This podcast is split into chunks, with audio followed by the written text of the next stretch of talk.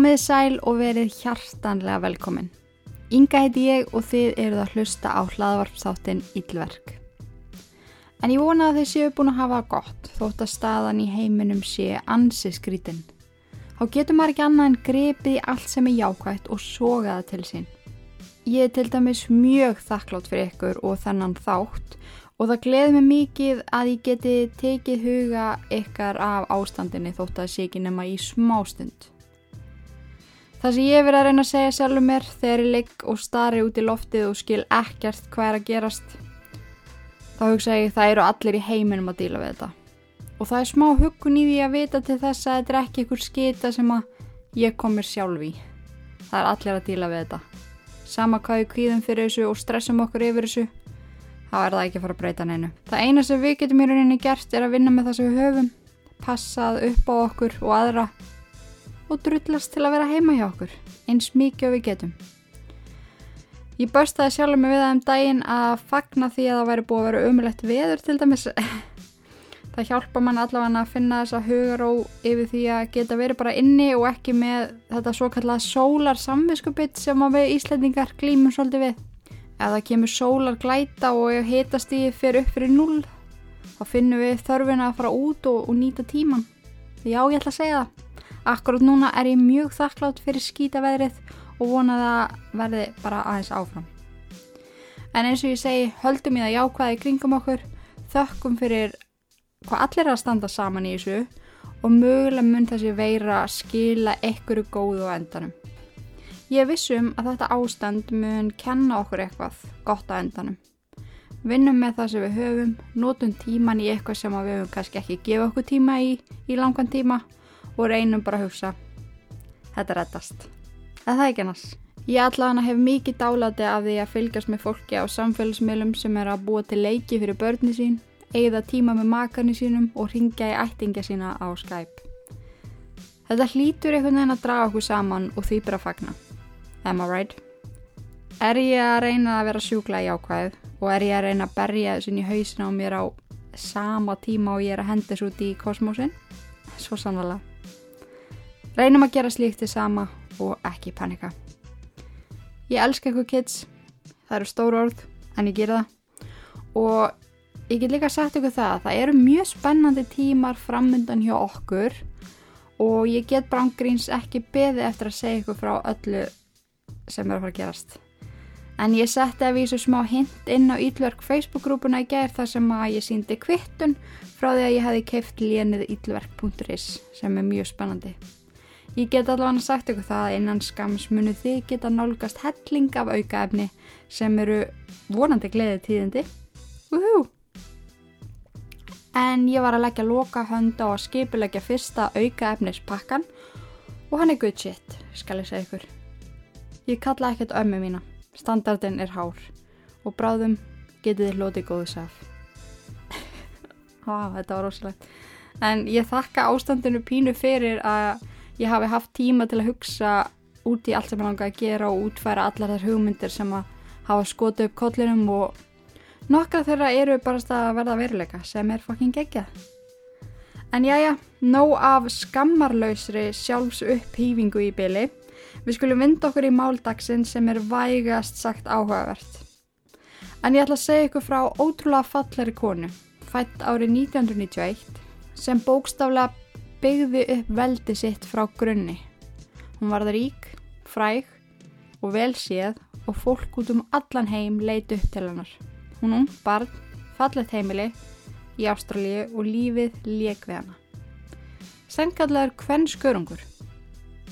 Núna eru þið kannski að hugsa, ok, hún lítur að húst, hafa drepið eitthvað eða eitthvað draf hana. Ég er að hlusta ítverkað ekki, ég er ekki að hlusta á þáttinn hvenskurungar, er það? Já, ég sé fyrir mér þessi öll að hugsa þetta. En þessi unga kona var ekki öll sem að hún var séð. Veldið sem að hún beigði upp var spilaborg sem var að falla. Ekki því að hún var léleg í að reysa spilaborg, Hún var meira að segja geðveitt góðu því. Máli er að það voru engin spil til staðar. Mm, þetta er eitthvað sem maður kallar orðagetrun krakka mínir. Og þar sem ég er komin langlegina með að vera íslensku fræðingur, má ég grýta fram svona getraunum. oh, ég er búin að vera ómikið inni. En Bell Gibson og ósýnilega spilaborgin gjör þau svo vel.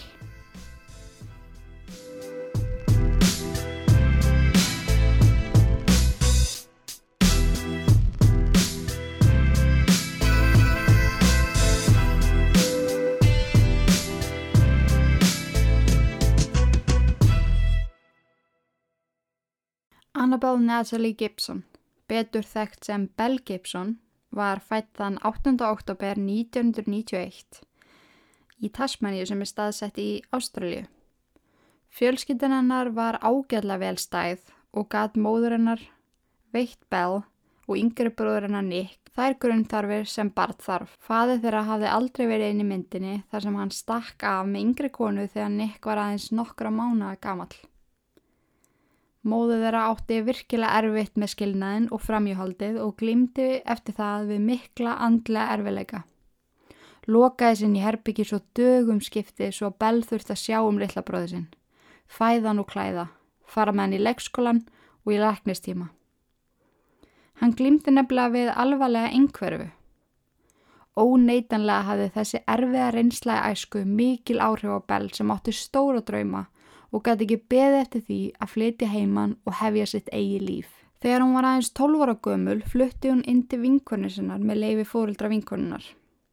Ástæðna voru erfiðar heimaferir og það var mikið léttir fyrir hann að komast í burtu og fá að vera einan um heilbreið einstaklinga og venjulegt fjölskyttulíf. Eftir að veri hjá vinkunni sinni í nokkuð tíma flutti hún inn með sýstu mömmunar sem gekk henni algjörlega í móður stað. Bell fekk ingöngu í Wynnum State High School þar sem hún var ansi vinsæl og tók virkan þátt í öllu félagslífi. Hún átti nokkuð auðvelt með námið og fekk góðar enganir en samt sem áður var hún ekki alveg að finna sig. Hún hafði mikinn áhuga á matagerð, hilsu, reyfingu og hugaði mikið að þeim þáttum í sínu lífi. Hún opnaði Instagram ágang þar sem hún deildi uppskriftum, æfingum og kvartningarorðum og ógs reikningurinn og dapnaði ansirhatt. Fylgjendur hennar fylgdus með henni daglega og dróðu til sín allan þann fróðleg sem að þessi unga kona setti fram. Bell hætti í skólanum eftir að hún fekk atunutækifæri sem að hún gata ekki hafnað. En fyrirtækið PFD Food Services bauð henni vinnu þar sem hún fekk að vinna við það sem að hún hefði gaman af. Hún fekk þá enþá meiri tíma til að sinna Instagram-reikninginu sínum og auglisti hún fyrirtæki sem hún vann hjá og fekk þannig hellingsbónustekjur og frían mat. Ekki leða löngu þar til önnur fyrirtæki hafðu sambandu hana og báðu hana auglýsa fyrir sig mat, te, æfingaprógrum og fleira sem að hafðu það til hannar. Það var því á endanum full vinna fyrir hana að sinna Instagram-reikningunum sínum og þessum hundruð þúsunda fylgjenda sem byðu eftir nýju efni frá henni daglega. Framtíðin var björt fyrir þessa efnilegu, ungu og gullfallegu konu. Loksins hafði hún lokað og deyr hræðilegar æsku sinnar og gatt haldi áfram á sinni frama braud. Engin gatt stoppað hana og ekkert gatt stoppað hana. Það var ekki fyrir hún fjekk verstu frettir æfisinnar. Fjörðastegs heilakrabamenn og hún ætti cirka átta vikur eftir ólefaðar. Þetta hefði verið ósku venjulega læknis heimsókn sem að fór út í þetta. Þegar hún fekk þessi tíðindi lýsir hún því að henni hafi liðið eins og hún væri lömuð. Hún gæti ekki komið upp orði en hún var tilbúin að gera allt til þess að læknast á meininu. Bell deildiði með fylgjendu sínum á Instagram hvað það hefði komið fyrir og reyndi samt að koma þið fram á hvetjandi hátt en hún ætlaði sér að sigrast á þessu. Næstu vikur og mánuði áttu eftir að vera strempnir vegna livja og geyslameðferðar sem hún þurfti að gangast undir. En Bell, þessi sterkar kona, ætlaði ekki að láta þetta fella sig. Hún einbetti sér enþá betur að því að borða hold, hugleiða og deila með fylgjandu sínum öllu því sem hún var að gera. Frettinnar af ungu krabbamennsjúku konunni sem var aðeins 18 ára á þessum tíma fór eins og eldur um sinu Bell fór í fjöldan allan af viðtölum og myndatökum fyrir Ímis tímaritt, blogg og fréttameðla. Hún var hvetjandi einstaklingur og fólk hrúaðist inn á Instagram aðgang hennar til að fá daglegan skamt af jákvæðni hennar og þrautsegu. Krabbaminsjúkir einstaklingar flyktust einninga að og fyrir en varði var Bell eitt fremsti áhrifavaldur í Ástralju. Eftir að hafa verið í Livja og geislameðferð í nokkra vikur komst hún að því að hún var í ófrísk af sínu fyrsta barni. Um leið hún fjall þær frettir ágáð hún að hætta öllum meðferðum. Það væri hættulegt bæði fyrir hana og barnið og sagði hún sjálf að mátturinn lægi í matræði og hugar ástandi. Svo Bell fór og fullt í að rannsaka hvað væri best til að gera til að lækna krabba minni sjálfur. Hún deildi þessu skrifi auðvitað með fylgjendu sínum og hún trúði því með öllu hjarta að hún geti unnið bug á meininu.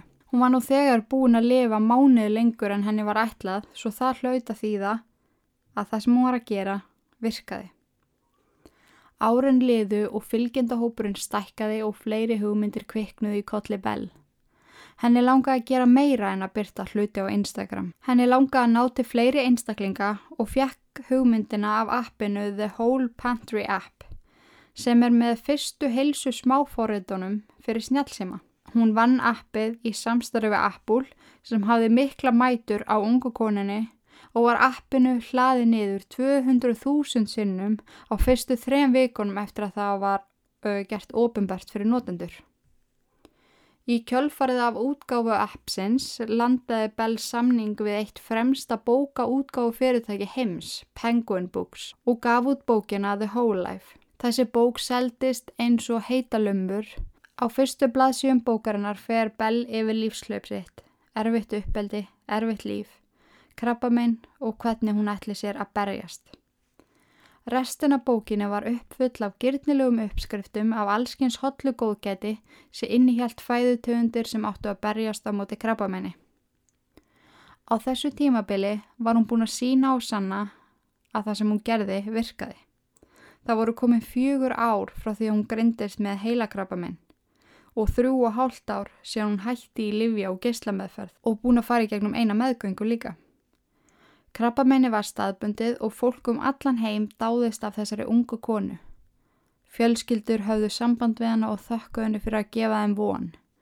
Ímist von fyrir krabbamennsjúk börnið þeirra eða aðra nána fjölskyldumeðlimi. Margir hættu hefðbundni meðferð og heldu af stað út í heim náttúruleikninga og leikninga í gegnum matræði og hugarástand. Bell átti náið samband við margar fjölskyldur sem trúðu og treystu á hana. Salan á bæða appinu og bókinu höfðu skilað en einni miljón dollara og lofaði hún að gefa prósenda af þessu í allskins krabbamennsjóði og safnanir sem að hún bæði stóð fyrir og var partur af. Tímareitið L tók Bell, þetta með, í innilegt viðtal þar sem að hún sagði átakarlega og hetulega sögu sína. Hvernig hún lifði fyrir það að vera innblástur fyrir aðra og það gæfi henni svo óendilega mikla hamingu að geta hjálpa fólki í sömu stöðu á hún. Á forsjöu blaðsins var stór mynd af henni með textanum The most inspiring woman you've met. App creator, social media sensation, author and terminal cancer patient. Bell fór svo til leknis í byrjun 2015 til að aðtóa stöðun á krabbamenninu sem hafði þarna verið staðbundið í yfir 5 ár. Hún var orðin ansevongóð og bjart sín. Það kom hins vegar allt annað í ljós sem átti eftir að breyta öllu. Við skulum heyra niðurstöðunar eftir nokkur orð frá styrtaraðila þáttarins.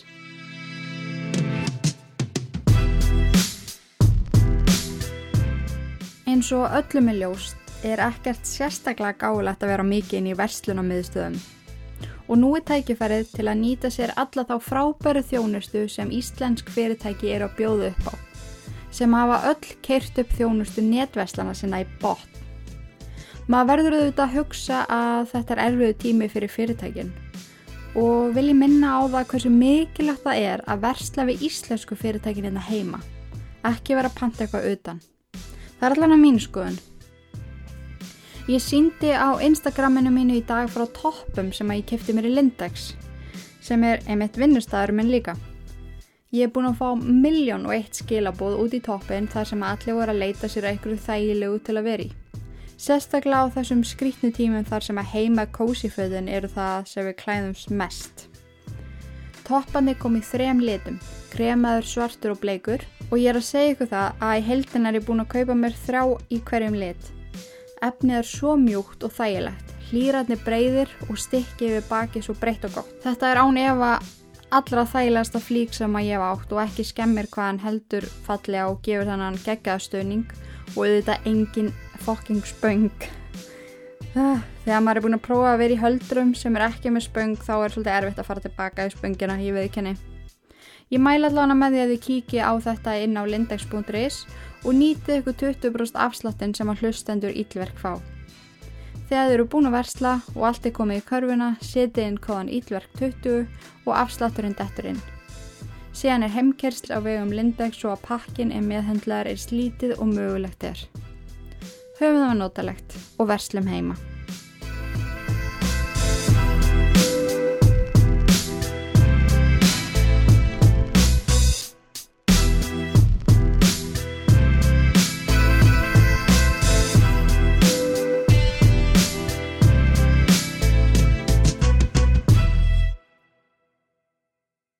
Velkomin tilbaka kids. Hverst voru við komin? Já. Bell gekk út úr læknistímanum sem að fór alls ekki eins og hún hafi hugsað sér. Krabbameinið hafi dreift sér. Meinið var komið í nýrun, lifirenna, leið, beinmerkið, blóðið og meinið sem hafi verið staðbundið í höfðinu svo lengi hafi dreift sér um allan heilan. Hún deildi þessum frettum með fylgjendu sínum sem gretu með henni. Hún hafði heilan hera fólki með sér sem að elskaða hana og trúði á hana og hún ætlaði sér alls ekki að bræðast þeim. Hún skildi halda áfram að berjast og hún var vissum að ef hún heldi áfram á þessari braud gæti hún sigrast á þessu. Í kjölfarað þessu öllu saman þurfti hún að fara í þrjár hjartaðgerðir og í þriði og síðustu ljast hún á borðinu en læknanir náðu að endurljúkana. Fólkið sem fylgd henni kvartana áfram og tímaritin, sjóarps og bladaviðtölinn voru meiri en nokkru sinni. Hún lofaði að gefa tilbaka og hún skildi ekki gefast upp. Hún var algjörlega mótið því að fá livjagjöfi krabbamenninu sem var nú búið að taka yfir allan líkamennannar. Hún ætlaði að halda áfram sínu streiki á sínum forsendum. Það fóru svo að koma upp alls konar skoðanir um aðferð hennar viðsvegar um heiminn, skiljanlega að það koma, þú veist, það er alltaf neikvæðarattir í öllu svona. Og fólk voru að veltaði fyrir sig hvort það veri hættulegt að áhrifavaldar væri að mæla með eitthvað svona drastísku.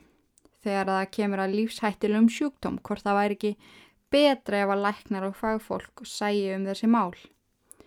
Í þeirri frétt er hún ymmit nefndanabn og hún postaði þessari frett inn á Facebook síðuna sína sem hún átti svona í kjölfarið af Instagram aðgangnum sínum, svona like síða og kom með alls konar staðrendur um hversu mikil fáfræði þetta væri. Og þetta, það væri alltaf fólk sem evaðist og þeir sem trúa er það að gera það með öllu hjarta. Og þannig náðu hún að eigða út neikvæðni sem að kom alltaf inn á melli. Nokkrum mánuðum síðar kom upp frett um litla ástralska stúlku sem að ljast úr krafamenni. Mamma hennar hafði fylst með Bell í langan tíma og það að taka stúlkuna úr öllum meðferðum var svo sannlega litað af áhrifum frá Bell.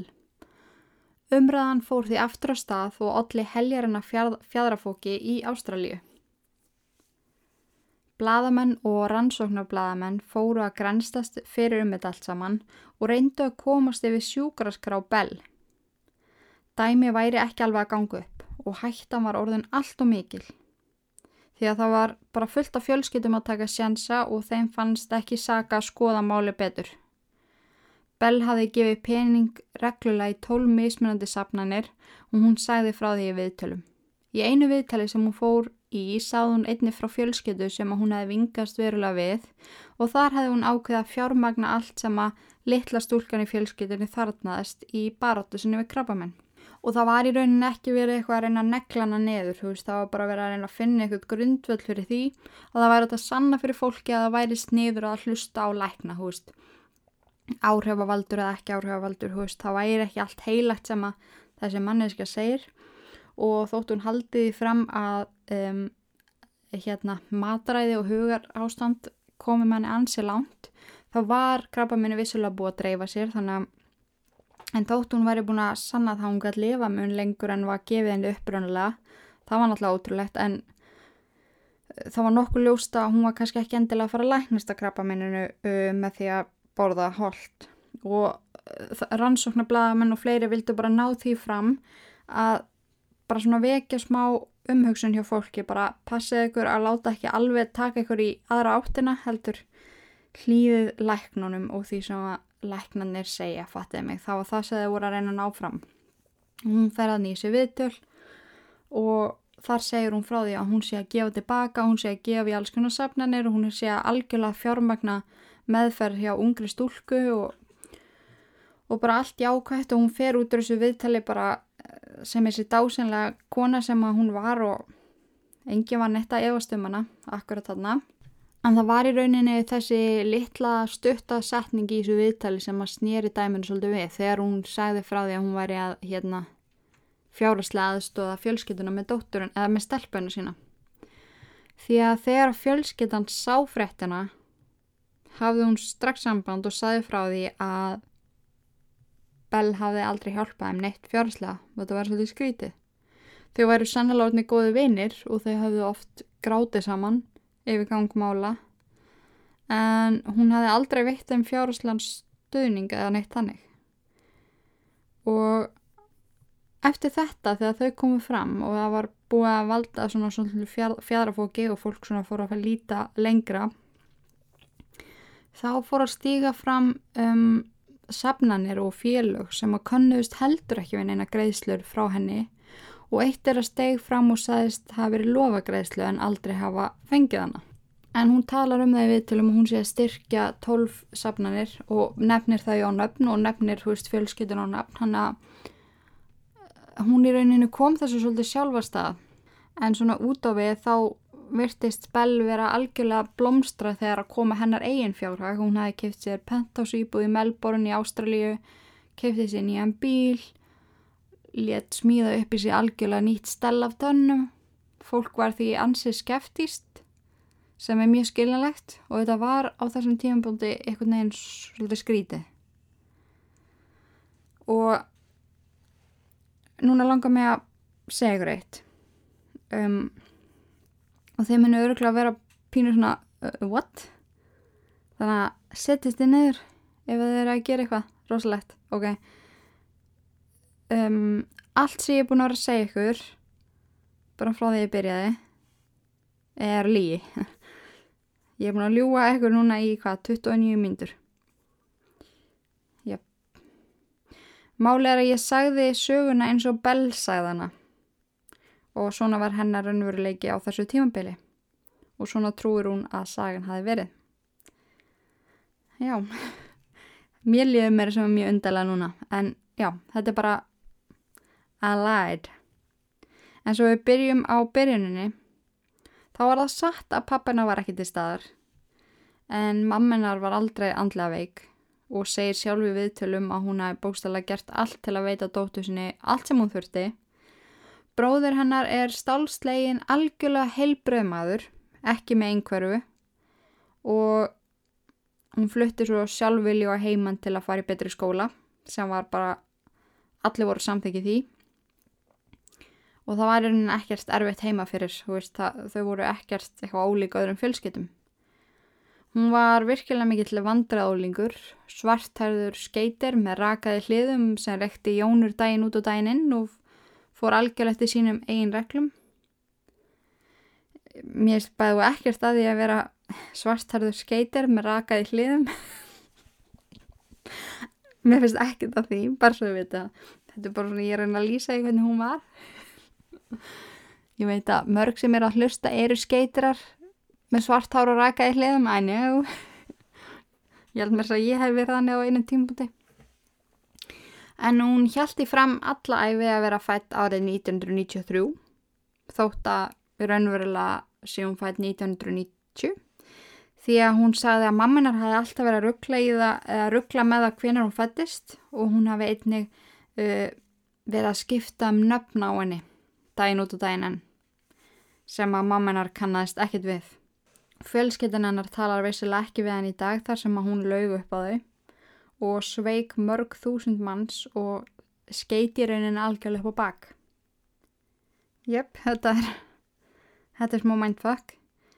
Um leið og frettin fór út í kosmosin um að allt sem hún hafði sagt væri stór legamilla, krafðist fólk auðvitað svara. Allir sem hefðu keift appið og bókina vildi fá endugreitt. Uh, Apple tók uh, appið í, húst, svo í endanum í burtu og penguinn tók bókina úr sölu og þegar máli var rannsakað enþá betur kom í ljós að það voru ekki til neinar læknarskíslur um neinn krabbamenn.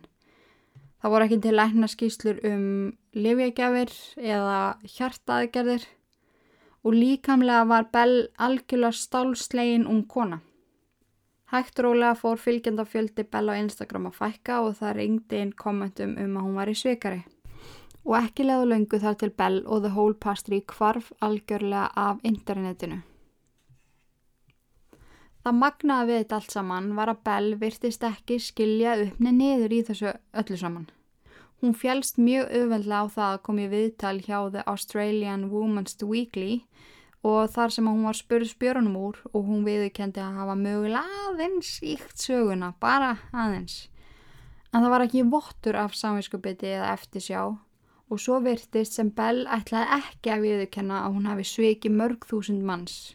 Hún sá ekki vandamálið.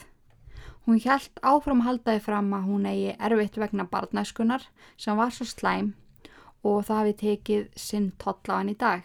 Viku setna kom svo mammenar í viðtal hjá sama bladi og fletti algjörlega ofan á dóttur sinni. Það hefði ekkert sérstakt komið upp í barnæsku hennar og, og hún var langsárist ef því að hún hafi logið upp á bróðu sinna. Hann var einhverfur og hún hafi verið svo veik andlega að hún hafi ekki getað syntem. Það væri bara svo innilega langt frá raunveruleikanum. Hún saði skammast sín fyrir dóttu sína og baðst innilagrar afsökunar fyrir hönd Bell. Það fór svo að verða erfiðar að fá Bell í viðtöl og einni erfitt fyrir lauruglu að ná tali af henni en framöndan var dómúrskurður. Bell faldi sér frá um heiminum þar til einn daginn. 60 mínútur þáttur um góði hafði samband við hana og var henni bóðið 40.000 dollarar fyrir það að komi viðtal þangað sem hún auðvitað samþekti á stundinni. Margir hafa dæmt 60 mínútur fyrir það á borgaðinni en þetta sýnir að svikarappar græði alltaf eitthvað á endanum. En ég held og margir aðrir að þetta viðtal hafi verið það sem gerða hana og kom endala upp um hana. Legasjúk og veruleika fyrst. Við skulum heyra viðtalið í 60 mínútum við hana. It's a truly inspiring story. Hundreds of thousands of sympathetic followers and fellow sufferers live every step of her journey and celebrate her success as she becomes the poster girl for the alternative wellness industry. There's an award winning app and a cookbook. Belle Gibson has made it. Except it's all a lie, a great big lie. She doesn't have cancer, never did. Until this day, Belle claims unscrupulous natural therapists duped her into believing she was dying. But tonight, we have the proof that this is a lie too. Belle Gibson is not a victim, she is a fraud. So, just for clarification, are you prepared to sign a statutory declaration to say that everything you tell me today is the truth? Absolutely. There's nothing left to lose, and if that requires a stat deck, then I'm comfortable with that. I guess why a stat deck is required is because you don't have a good record on telling the truth. Do you accept the level of damage you've done to people's trust? I do. And they are feeling um, disrespected. They are feeling hurt. They are feeling betrayed. And your whole trade was on on these poor people that you inspired them, that they felt sorry for you, that you showed them a path. I mean, you profited from that, you gained from that in reputation and in income. I didn't trade in my story or in other did. or in other people's lives. You did trade in your story. Belle, it's all here. It is It is there. all here. You know, you go on Instagram in 2013. I have been healing a severe and malignant brain cancer for the past few years with natural medicine, Gerson therapy, and foods. It's working for me. It is. And if any you didn't have brain cancer. No, I didn't. No. But when I was writing that, I thought that I did and I was feeling well. Yes, but even then you misrepresented what you thought was your truth, which was all a big lie. Anyway, I'm really sorry. And it hurts me, and I beat myself up every day for how I have uh, hurt those who mean a lot to me. He had come to my home and went through a series of tests, and this was dubbed integrative medicine. so he comes to your home and he does some tests on you. Mm-hmm. He does. How what sort of tests? It was a box, a machine with lights on the front, and that machine was apparently German technology. You, there's a two pads, two metal pads, one that goes below the chair and one that goes behind your back, and then that measures what I believe or remember to be frequencies. And what were the results?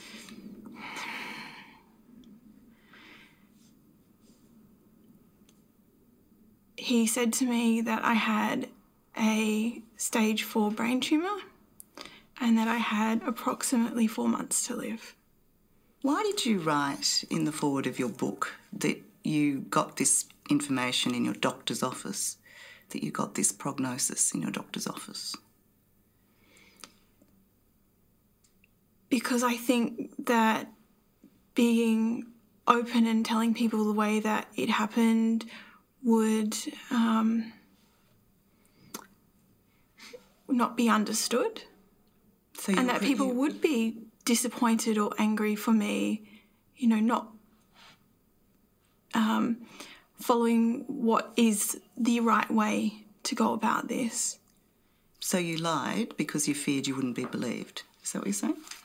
Um, it's not what I'm saying. Well, can you be clearer on what you're saying? I mean, you, you, you were absolutely misleading, weren't you? You said a doctor gave you this terrible prognosis in his office. Now, you've just admitted that you didn't say it was at your home and it wasn't with a real doctor because you thought I people would be he was a real. disappointed in you. No, I believed he was a real doctor. So, did you lie to be believed? Is the question. I didn't see him in his doctor's office in Perth. You didn't see him in his doctor's office ever because he doesn't have an office, does he? No. Right. You claimed also in your book that you underwent chemotherapy and radiotherapy for two months. True Yep. or false? At the time, True or false? true, because at the time I believed I was having radiotherapy. So, false. I believed that I was having radiotherapy. When he gave me medication, I was told that it was oral chemotherapy. And I believed it. Very soon after I'd been started this treatment here in Melbourne, I fell pregnant. And that was a huge catalyst for me. In what way? because I thought, well, if I'm going undergoing chemotherapy, then I don't want that to affect my pregnancy. Oh, so you stopped the chemotherapy because you were pregnant? I stopped the chemotherapy for various reasons. I didn't know. Truth, Bill, truth. Tara, I'm trying to draw on information. No, no, don't draw on information. Just be honest. I am being Please be honest with you. honest. I'm trying to be open to what you're saying, but you are just muddying the waters with every answer. You set up a guy who's some quack, you're now saying, as a conventional doctor, giving you conventional treatment that is not helping your brain tumours, so you leave it. That's what you set up in your book, right? You didn't write it as you've just told it to me. You didn't write it who this man was. You didn't write that he came to you in your home. You didn't write that the chemotherapy and radiotherapy you claim to have is not what most people would have. You didn't write it like that. I wrote You rewrote history. I wrote five introductions to my book. Okay, whose fault is it now? It's nobody's fault, Right.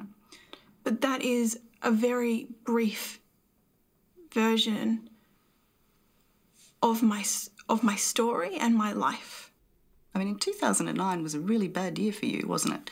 Mm-hmm. You had three heart operations. You suffered two cardiac arrests. You died mm-hmm. twice on the operating table. Mm-hmm. You had a stroke. Mm-hmm. And you were diagnosed with an inoperable brain tumour and given four months to live. Correct. And, And I do. that happened. I still have the heart condition, and I was supposed to have surgery for that, You were supposed to have surgery. and I didn't. And And why did you tell people that you had three surgeries? at the time, I think going back, I was late teens, and I was going through a lot of emotional trauma and a lot of abuse at the time. What sort of abuse? Um, someone who was really prominent during my childhood was uh, stalking me. Were you in hospital at the time that you were posting these? No. I mean, you go into extraordinary details. I had surgery about seven hours ago. The doctor comes in and tells me the draining failed and I went into cardiac arrest and died for just under three minutes.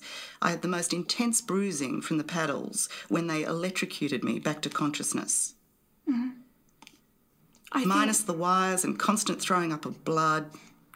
Anyway, the procedure failed and I died. see, I haven't read back through all of that. But I also think when you're young and have gone through the situation I had just gone through, you are melodramatic. I don't have. melodramatic now. I mean, they, they're straight out lies. You weren't in hospital. You're claiming you were. You claimed you died twice. You didn't. You claimed you had two I cardiac didn't. arrests. You didn't. That, that's not melodramatic. That's straight out lying. It is. Extraordinary lies. And if you lie about that, and you go to those extraordinary lengths to Mm-hmm. create the story around that lie, how can we believe anything you say now? Tara, I have lost everything and I'm not here to regain it. But when you hit rock bottom, there is only an opportunity to be honest and to heal and to apologise. And I'm here to do that. There is no reason for me to lie, and it's not something I want to be doing either. So I didn't know whether I was getting worse. I didn't know if I was getting better. I didn't know if it was the same. I thought that it was important to go and seek a scan and be confident in where I stood. I don't mean to be crass about it, but it was also the fact that despite being given a four month deadline, you're still alive. Yeah. Was that an indicator to you that you didn't have brain cancer? It wasn't an indicator. I went to the Alfred Hospital and I contacted Mark and I had said to him, I'm not sure where things are at. So I want to go and get a brain scan. He had me sign paperwork which um, enlisted him as my medical professional, where the scan from the Alfred would be then passed on to him so we could also consult on it. Right. So, what did the brain scan show? he brought in scans and it showed a brain tumour. But that wasn't my scan because most recently I went back to the Alfred and I got my full portfolio from them. And I did get that brain scan, but there is no brain tumour there. Okay, so what date was that, Bill? When did you go to the Alfred? I will be able to give you this information. Well, we've already asked for background information. We've asked for all your medical records and your medical history. You haven't given us any dates. You haven't given us any brain scans. You haven't given us any MRIs. You haven't given us any tissue tests. You haven't given us anything. I wasn't explicitly asked for any of that, but I have it. Well, really? Of course I do. The producers I've been working with are aware of my health position. I wasn't. Bell, Bell, Bell, Belle, please. I mean, either you're interested in getting to the bottom of this and presenting the facts as they are, the facts, or you're not, okay? It was in 2010 that I went to the Alfred initially. Mhm. Do you know who you saw then? No, I don't, but again, I have that information. And do you believe you have a mental illness? No. I mean, it's been suggested perhaps you have Munchausen syndrome or a factitious disorder. Do you accept that perhaps you do?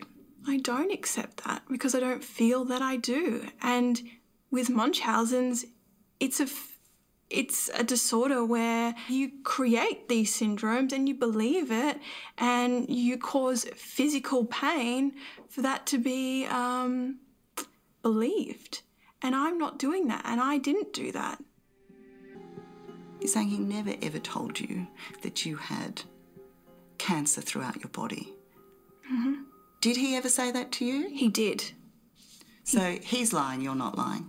I am not lying. He definitely told me that my brain tumour is still present and that I have new and secondary cancers. And how did he assess that? In the same way that Mark did. Similar ma- machines and similar equipment. Um, Did you think to go to a doctor? Did you think to go to the hospital? Did you think to get this checked out? Not really, not initially. Um, I was devastated. It Just sounds like you chose to believe that you had cancer. Nobody wants to live with the fear of a terminal illness or dying. No, and nobody knows that better than people who actually live with that. And you didn't live with that. That's not what you had. No, it's not, but I lived for years with the fear that I was dying. And that is horrible. And I'm still coming to terms with that I can take that off my shoulders now. Did you live in fear of being found out? No, because I wasn't living in a space where I didn't know that this wasn't my reality. Would you accept that you're a pathological liar? No, Do you know what the definition of truth is? yes. What's your definition of truth? Uh, speaking with honesty and um, with clear definition around fact. And what's your definition of a lie? Well, obviously, the opposite of that.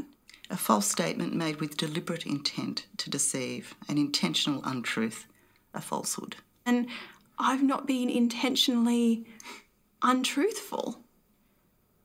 I've been openly conveying and speaking about what was my reality and what is my reality today. And will you accept that your reality does not actually match reality? It doesn't match your normal or your reality. You're 23, right? Well, actually, how old are you? Um, I've always been raised um, as being currently a 26 year old. How old are you? Well, I live knowing, as I've always known, that I would be 26. Okay, Bill. Um, I've This is a really, really simple question. How old are you? I believe that I'm 26. And- I have two birth two birth certificates, and I've had my name changed four times.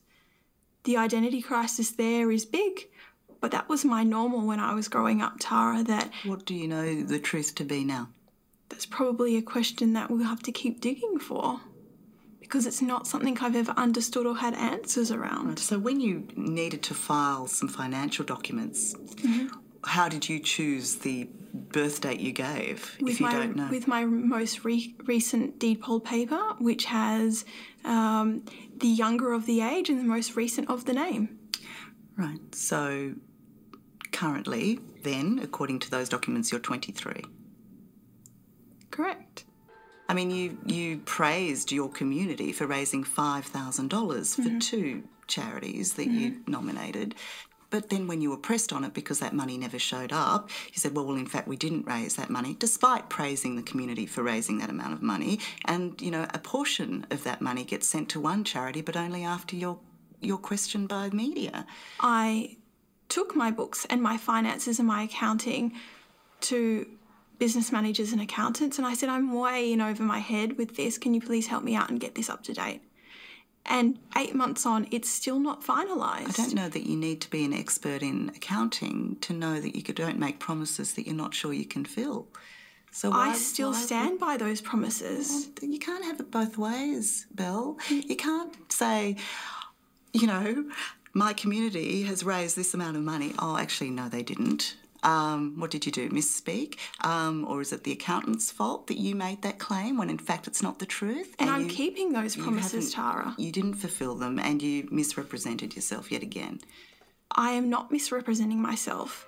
But I was not So- an expert in anyone else's health. And I excuse me, excuse me, but don't be naive now. I mean, you are appealing to an incredibly vulnerable audience, incredibly vulnerable people. Mm-hmm.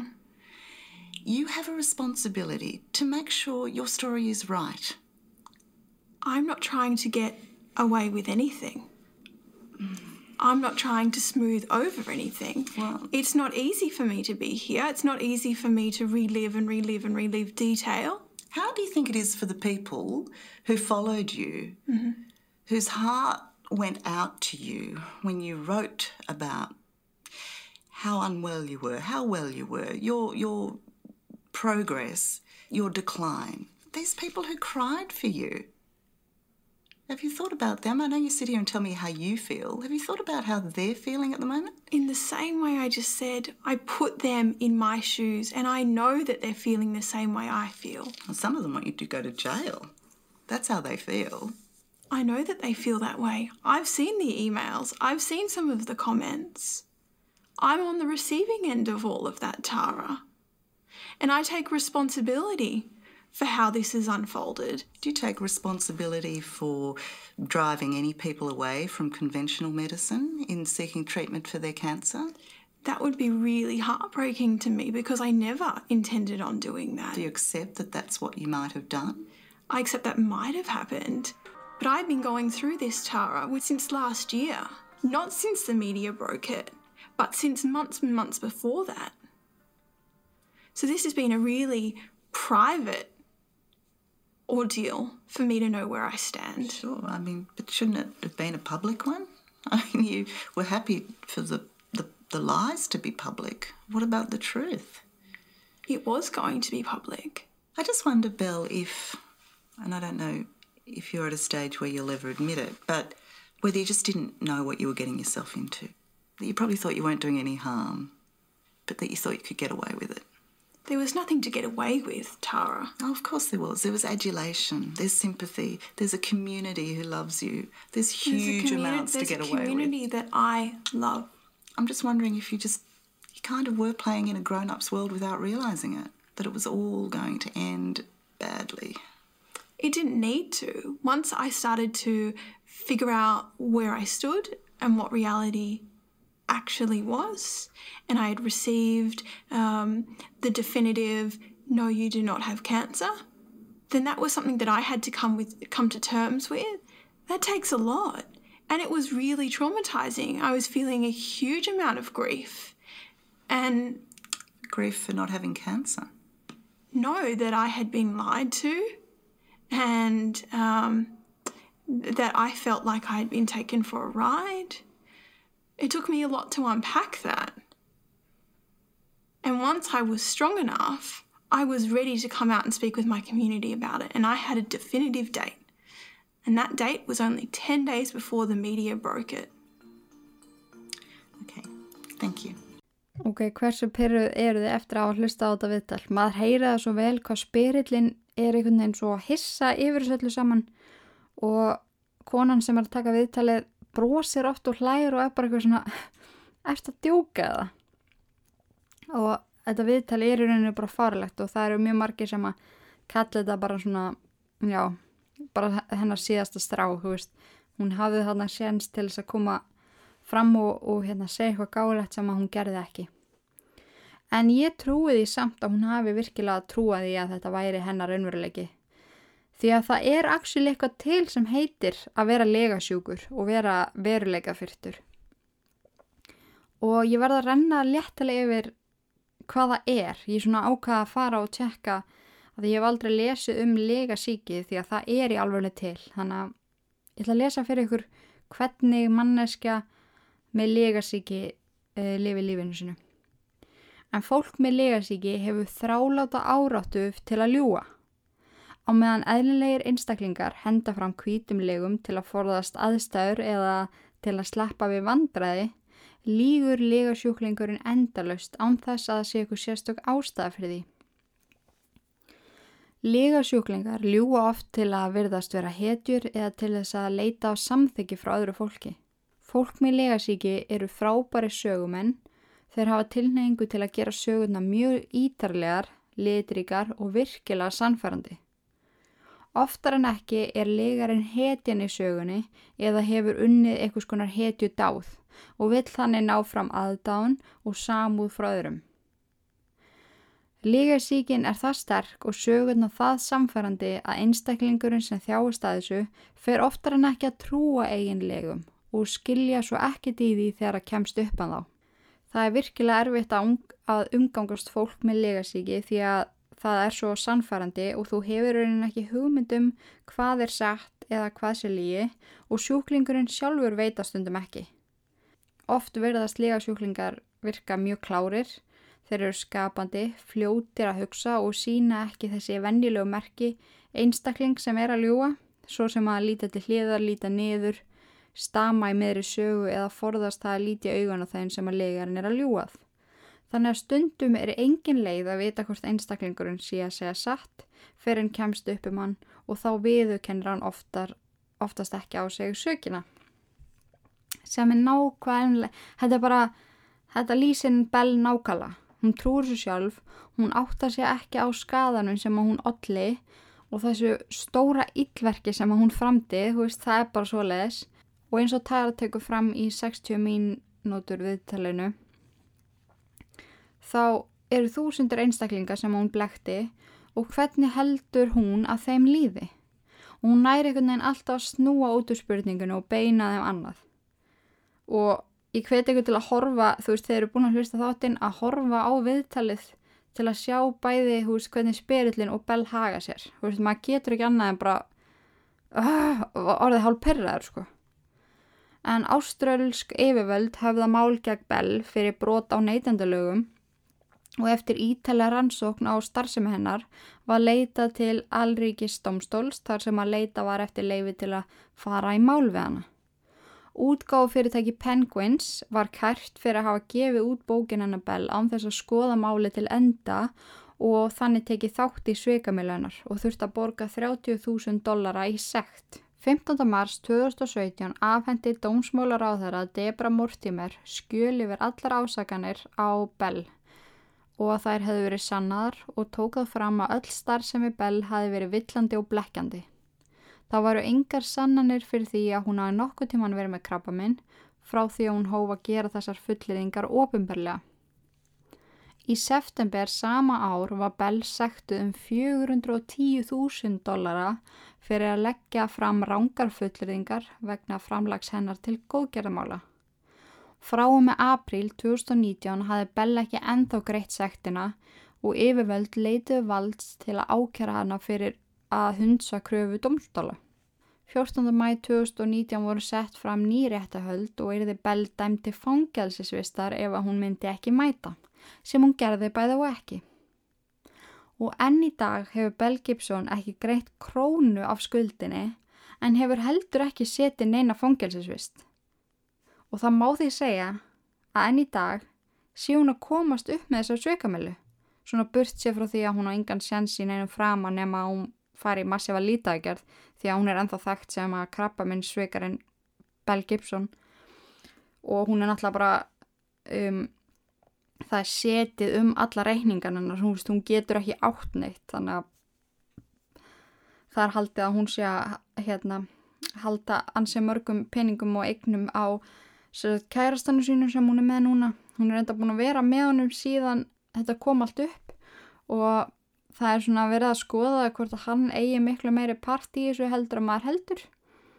En ykkur negin um, nær hún að halda lífinu sinu svona ansi góðu veist, eins og það var dæmt alveg rosalega þú veist að 2018 þá fór hún í ykkur rosalega flotta hérna, ferð með fjölskytuna með dóttu sína og kærastanum þú veist voru bara þar á hérna snekkum og hérna síðan er hann alltaf útrúlega flottum fötum og það er svona verið að skoða hvort að hann sé að geima ykkur að peninga fyrir hana eða hvort að hún sé að geima peninga, eitthvað staðar annar staðar. En hún er alltaf bara mestari í að vera sveikari en já, þetta mál var rosalegt og ég fekk alltaf inn eitthvað ég komst alltaf inn eitthvað svona rosa gýr fyrir svona sveikamillumálum og þetta mál greip mig alveg því að þessi kona hún er mega sætt já ég viðkenna að ég er aðeins að dæma gápuna utan á bókinni. Mér finnst bara svo magna þegar sætt fólk gerir eitthvað að sér. Það er bara ekki að merkilegt þegar ljótt fólk gera og ég er að djóka. Ég er að djóka ángríns segið mér að það séu svolítið ekki sammála. Þeir eru smá sammála. Nei, þetta er eitthvað þetta er alveg merkilegt að ljótt og fallit fólk það er ekki til neitt sem er ljótur, ok, ok, ok. En þetta var hið svaðalega svigamilumál Bell Gibson. En meðan ég var að researcha fyrir þetta mál þá gæti ég ekki annað en spáð í því hvort að ég þekki eitthvað með legasíki. Og ég held ég þekki engan og ég myndi öruglega að segja að ég sé öruglega næst í að vera legasjók ef eitthvað er. Ángrið því ég get logið heilu sögunum á staðnum á þess að heka en það er samt bara gert til að vera fyndin og svo leiðrætti það maður myndi kannski ekki ég, veist, ég myndi kannski ekki ljú okkur svona hræðilegu en samt áhugavert að spá í því hvort að maður þekki eitthvað sem er í alvörinu með vandamála stríða en við segjum þetta gott af lígasíki og sveikum og eitthvað svo les og við skulum enda þáttinn á einum sem að ég bjóst aldrei við. Ég bjóst aldrei við því að ykkur hefði fundist þetta skemmtilegt svona í alvörunni. En eftir síðasta þátt þá fekk ég miljón skilaboð um að ykkur hefði fundist geggja þegar ég spilaði hvort myndur frekar við sjálfa mig. Nei sko, vákveð ég glöð að heyra að veist, heyra það því að ég bara hef ekki skemmt mér jafn vel lengi og akkurat þannig að leinin í herbyggja að spyrja mig spurninga og hlæja því. Og úr því að ykkur fannst þetta svona skemmtilegt þá ætlum ég að skella því inn hérna líka. Þrem kortmyndru frekarspurningum og bara verði ykkur að góð verði ykkur að góðu. En um, já. Alright, þið með með spyrja ykkur að þessu líka á meðan ég legg fram spurningarnar.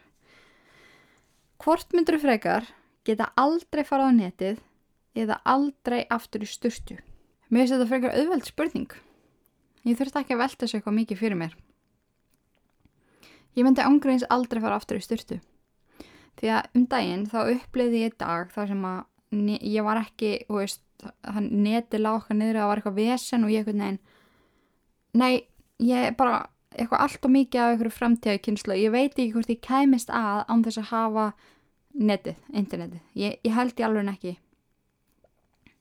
Mjög sorglega að segja það en ég bara treysti mér ekki til þess að fara aftur að leika mig við legg og skil og eitthvað svolítið þannig að já, ég myndi bara aldrei fara aftur í styrtu og, og svo myndi ég bara taka svona svampa mig í varskinum en það ekki, má það ekki alveg? Nei sko ég alveg þetta var arsnala auðveld spurning. Þótt að það sé ekki ekki að fyrir styrtu ég myndi bara veist, læra svampa mig og fara að baða mig veist, í regningunni og eitthvað. Ok. En hvort myndur þú frekar garga allt sem þú segir eða væla allt sem þú segir sko mm, garga allt sem sko þegar ég hugsa um eitthvað sé að garga þá er það svona aaaah aaaah þú veist ekki svona vennilegt öskur fattiði mig heldur svona historic öskur. Þannig að ég þurft að garga allt ég segi eða væla allt ég segi sem er svona ég langar svo mér langar svo að vera með og mér langar svo ótrúlega mikið að, þú veist, gefa bara út nýjan þátt að yllverk og mér langar bara því að hafa gaman að þessi krakkar. Það er eina sem ég byrði ykkur um. Oh my god, spáðið ég myndi he segja heilan þátt svona. Ég var bara komið sæl. Inga er þetta með ykkur og þið er allir stóð yllverk og, og ég bara vonaði þess að ég voru að hafa það gott og já Nei, guð Það væri svona miklu auðveldra að væla allt sem ég segi. Heldur hann að garga endalust á fólk. Já, ég ætla, ég segi það Ég myndi væla allt sem ég segi.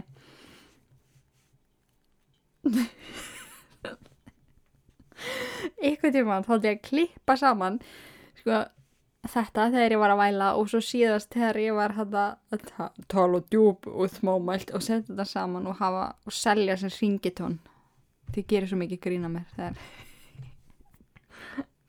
Nei, þegar ég kveð ykkur eftir þá ætlum ég að væla það, ok? Eh, hvort myndir þau fyrir ykkar þurfa alltaf að sofa í rúmi með keksminnslum eða alltaf fara upp í rúm upp kremuð og ég sett, ég, ég veðkenni ég bjóð þessa spurningu til sjálf að því að þessar, ég er með svo ótrúlega mikla fóbíu fyrir þessu bæði sko, það má enginn koma með keks eða snakka eitthvað bara inn fyrir dyrtnar og sefnherbygginu því að það er ekkert verra heldur en að finna svona upp í skinnið þú veist, mynslir í rúminu. Og það er, er ógæslegt og svo finnst mér líka ógæðslegt að vera upp kremuð upp í rúmi.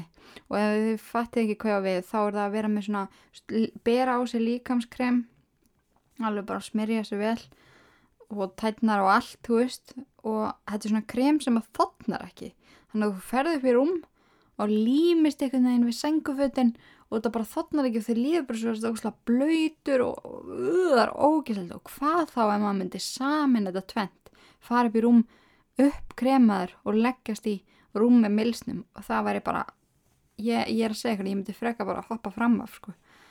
en sko af tvennu slæmu þá myndi ég frekar fara upp í rúm með smá milsnu og, og dusta bara fram af rúminu og reyksa þetta inn eftir af því að mér, ég get ekki að sopna þegar mér lýður í svona blöy, blöyta húðinni og alltaf límast um og ógæslegt þannig að já þetta voru ansið auðvelda spurningar hjá mér þetta skipti, þetta var allt eitthvað voða gefið. Þannig að ég, svo við sömmum þetta upp þá myndi ég aldrei fara aftur í styrtu væla allt ég, seg, ég segi og sofa í keksmennslum þannig að ég væri orðin ansi ógællur einstaklingur eða ég myndi gera þetta allt.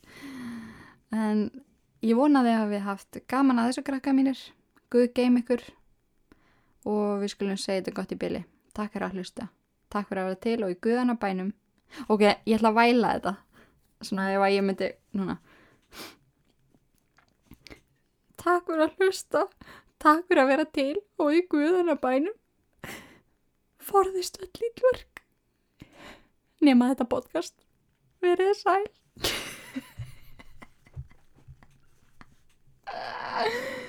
Ég get ekki